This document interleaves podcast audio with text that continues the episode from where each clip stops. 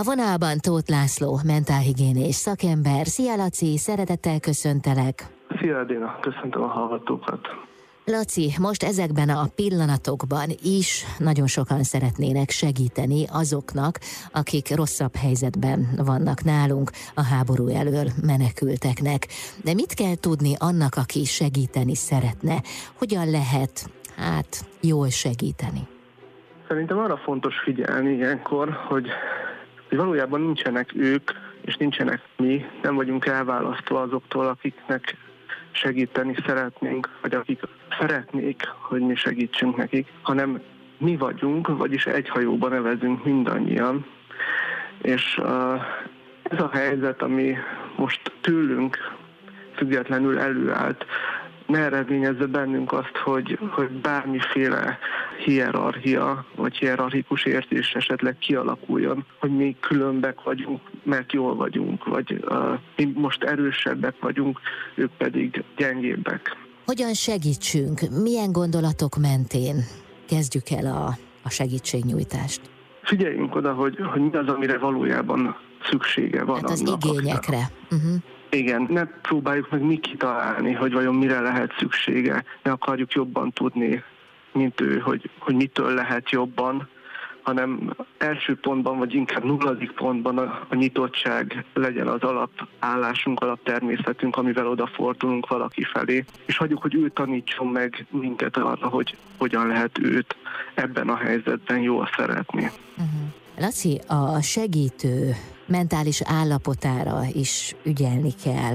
Én azt hiszem, De... hogy csak pozitívan, nem is tudom, derülátóan, jó szándékkal lehet segíteni. Melyek azok a jelek, amelyek esetleg felhívják a figyelmet arra, hogy túlságosan megvisel minket ez a helyzet, összezavar, hogy, hogy egyszerűen rossz mentális állapotba kerülünk?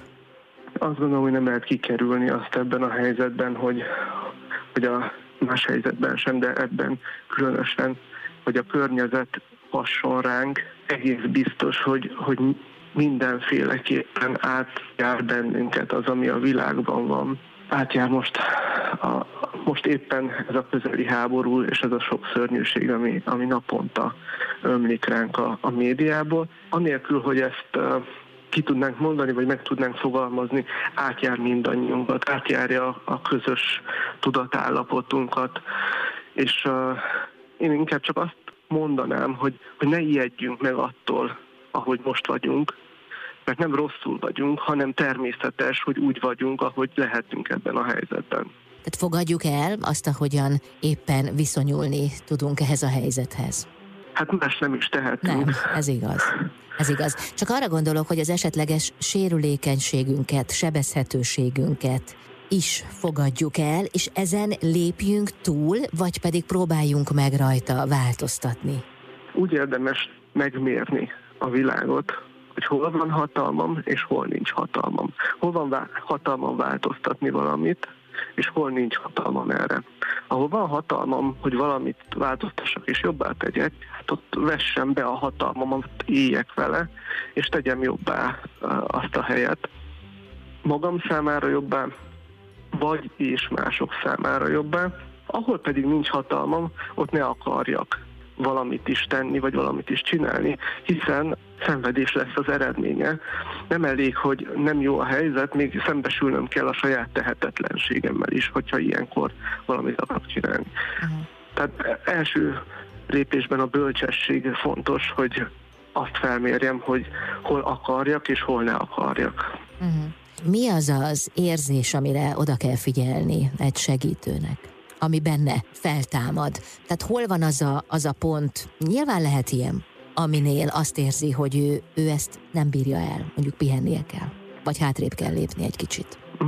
Rögtön pihenjen. Aha. És, és, és lépjen hátra.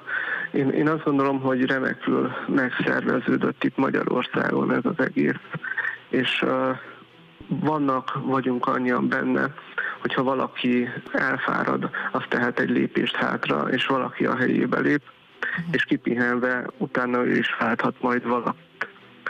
De ha erején felül hosszan teljesít valaki ilyen stresszes helyzetben, az, az nagyon elhasználja az embert olyan módon, hogy uh, hosszabb rehabilitációra lesz szüksége, mint egy egyszerű pihenés. Tehát érdemes a jeleket időben észrevenni. Érdemes figyelni, igen. Uh-huh. És érdemes figyelni egymásra is, akikkel esetleg együtt segítünk, hiszen a mellettem lévő úgynevezett segítő ugyanúgy segítségre szorul adott helyzetben, mint akiknek segítünk, vagy mint én magam. Laci, köszönöm szépen. Köszönöm én is, Edina. Tóth László mentálhigiénés szakember volt a vendégem itt az Intermedzóban.